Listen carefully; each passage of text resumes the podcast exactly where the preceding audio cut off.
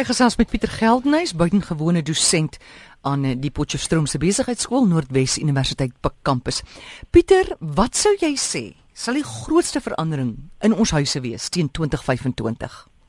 Ja, môre nadat ons laas week gepraat het oor back to the future en wat ons uh, beplan het, dink ek is miskien 'n interessante opsie om te kyk hoe wat vir die volgende 10 jaar gaan verander en ek dink een van die groot dinge wat ons wat ons huise gaan verander ek, ek weet nie mense besef wat die impak gaan wees nie is natuurlik dat ons veseloptiese bandwydte aan die meeste middelklashuise in die land behoort te hê in 2025. En dit gaan geweldige veranderinge teweegbring.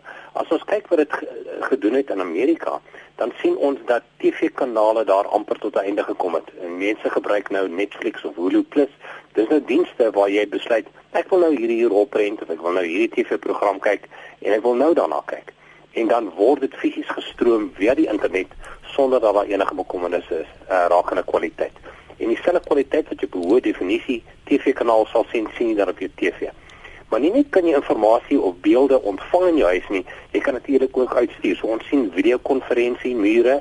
Wow. Uh, dink byvoorbeeld jy kinders wat in Australië of in Sydney sit, dan kan jy 'n uh, venster in jou huis hê hmm. wat 24 uur 'n dag gekoppel is aan 'n venster in iemand anders se huis in in die wêreld en jy kan met hierdie mense gesels asof hulle in 'n kamer langs aan jou is. En dit gaan dit jy niks ekstra per maand kos nie want jy betaal eenvoudig net vir die veseloptiese gebruik. En ek dink uh, vir interessantheid terwyl ons na televisie en so aan kyk, dink ek ons gaan hologramme begin sien in ons huise. Hierdie driedimensionele beelde wat jy voor die oë gaan sien. Uh, ek dink dit gaan van van die groot veranderinge wees wat ons teen 2025 in ons huise gaan kry. Maar ons sal nie kan interaksie hê met daai hologramme nie, né? Ehm, um, miskien sal jy, maar ek dink jy gaan 'n spesiale kamer moet neer neer sit daarvoor, maar hmm. daar's geen rede dat jy nie kan doen nie.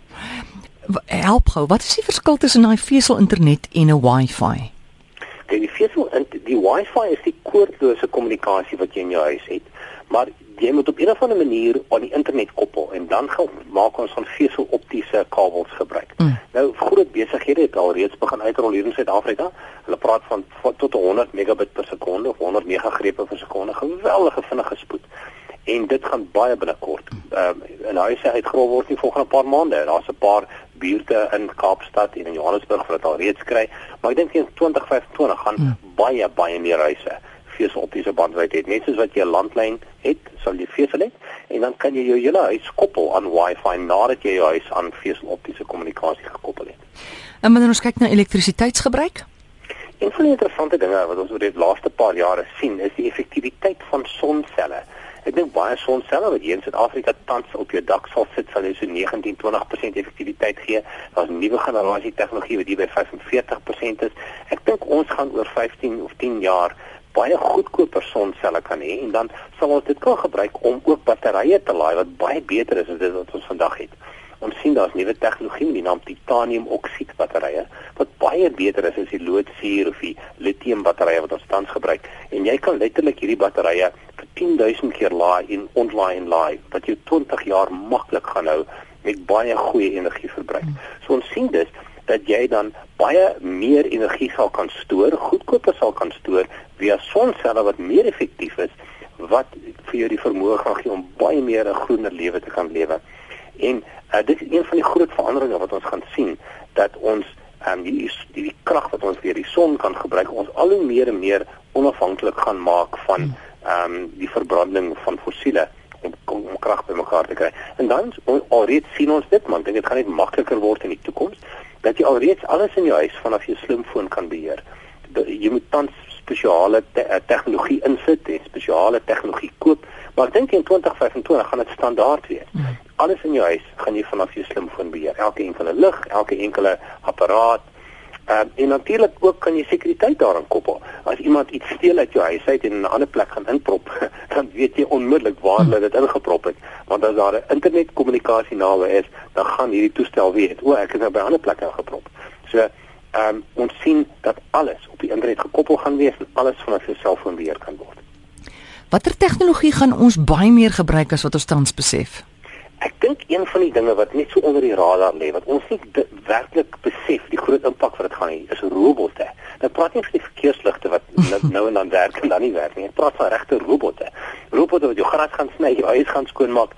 Alreeds kan jy 'n klein ehm um, stofsuier kry hier na Roomba. Ek dink dit kos omtrent 20 25000 rand en dan maak jy hy skoon en dan gaan prop hy homself weer in en dan elke nou dan kom hy weer uit en dan gaan maak hy weer hy skoon. Net so kan jy alreeds kry met grassnyers. Mm. Maar waar hierdie tamelik duur tans is en baie min mense in die land dit het. Dink ek teen 25 gaan dit alledaags wees. Almal gaan 'n robot grasnyer en 'n robot skoonmaker hê. Ehm um, ons sien ook dan vir sekuriteit, ons het gepraat oor hommeltuie. Ek dink nie dit gaan snaaks wees dat 'n paar dat jy 'n hommeltuig het nie, want as jy geluide buite hoor, dan stuur jy 'n hommeltuig uit om 'n paar keer om die huis te vlieg om te kyk wat aangaan nie. Ehm um, hierdie tipe robotte wat op hulle eie dinge kan doen, mm. gaan 'n groot groot impak op ons lewens teen 2025 hê. Want dit sê die Engelse woord is drone vir 'n hommeltuig. Ons het nou dag daaroor gepraat. En dan ons motors, Pieter?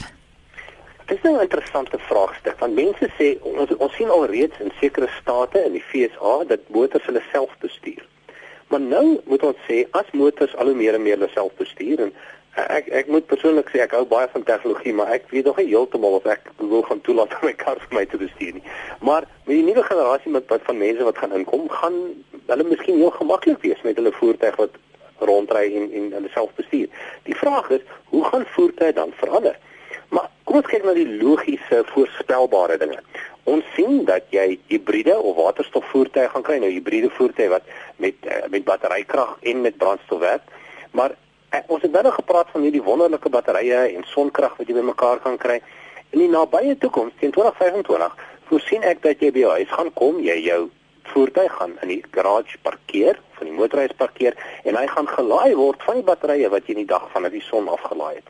So die die kostes om te om om rond te ry gaan jy ook via sonkrag kan optimaliseer. So eerstens in terme van die brandstof wat jy gebruik, uh sien ons dat die die battery aangedrewe voertuie wat jy self kan herlaai by die huis, um, 'n baie interessante opsie gaan wees. Maar dan ook hoe jy voertuie gaan herdefinieer. Party mense gebruik hulle voer hulle voertuie as kantore, ander gebruik dit om 'n bietjie dit dit op, pad werk te doen. Miskien is dit van die veranderinge wat ons gaan begin sien as Suid-Afrika teen daai tyd gaan toelaat dat voertuie hulle self kan bestuur hier.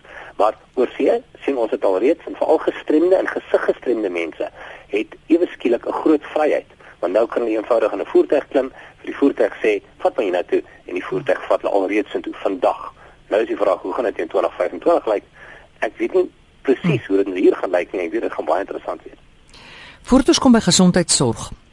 Hoe gaan e-handel ons huise verander? Ja, dis 'n interessante idee. Ek het 10 jaar terug dieselfde voorspelling gemaak en ek was totaal en al verkeerd daarmee, maar dis maar een van die dinge. Ek het ek het aangeneem dat teen hierdie tyd ons 'n uh, 'n um, 'n uh, verkoelde area kan hê wat in die muur van jou van jou huis ingebou is of in die buitemuur van jou huis. En dit het gee vir iemand wat dan die vermoë het om dan met 'n slimfoon die uh dit oop te maak, die kruideniersware of die koerierpakkie alles daarin te sit en dan uh, dit weer te sluit en weg te ry. En jy sou die aand by die huis kom, dit net eenvoudig oopmaak en die koerierpakkie uithaal.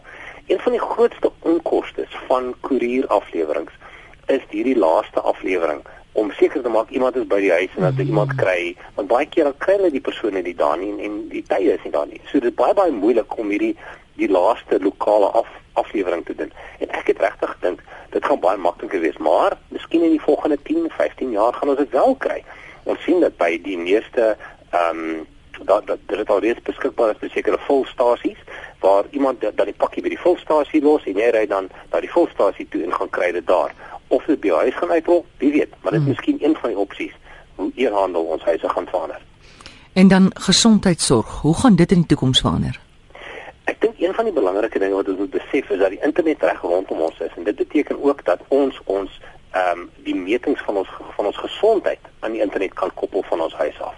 Ek kan byvoorbeeld my bloeddruk meet en 'n hele paar ander uh, temperatuur deur 'n eenvoudige toestelletjie te gebruik of 'n kamer in my huis waar ek wat uh, hierdie toestelle gebruik en dit word dan op 'n daaglikse basis en selfs elke halfuur of uur na 'n sentrale senter toe gestuur wat dan na my gesondheid vir my kyk.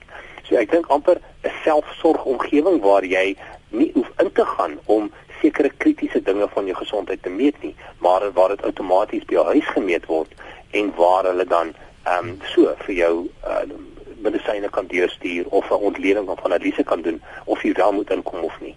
So ek dink ehm um, dis een van die groot veranderinge in die volgende paar jaar. Nou wat sou jy sê is die kanse dat hierdie dinge teen 2025 in algemene gebruik sal wees? Maar kyk, dit is baie moeilik om hierdie vooruitgawings te maak. Ons weet wat die tegnologie kan doen. Ons weet wat moontlik is, maar om die grootste probleem met alle tegnologie is die aanvaarding van die mens. Ehm um, is daar werklik 'n aanvaarding aan ons kant? En soos ons gesê het, miskien oor 10 of 15 jaar sal ek aanvaar dat my kar homself bestuur. Ehm um, ek weet nie of of dit tans binne my dien nie. En ek dink dis een van die groot veranderinge. Partykeer moet daar seker 'n nuwe generasie mense deurkom om te sê maar soos die tegnologie verander, is hulle bereid om daarbey aan te pas. Ehm um, of of ons by al hierdie vooruitskattinge gaan uitkom, dit weet ons nie. Tegnies is alles moontlik, dit is eintlik vandag al moontlik. Die grootste vraag is wat ons kan doen en watter breinskuive ons kan doen om hierdie te aanvaar. En dit is die groot vraag. Ons weet nooit of ons dit reg het of nie. Breinskuive en dan is daar nog 'n ego ook, né? Ja, maar ek ek dink daarvoor het jy hele 2 ure debat nodig. nee, ek dink is nog steeds te kort. Dankie Pieter. Ek sien uit na die toekoms, né, as dit so gaan lyk. Dankie.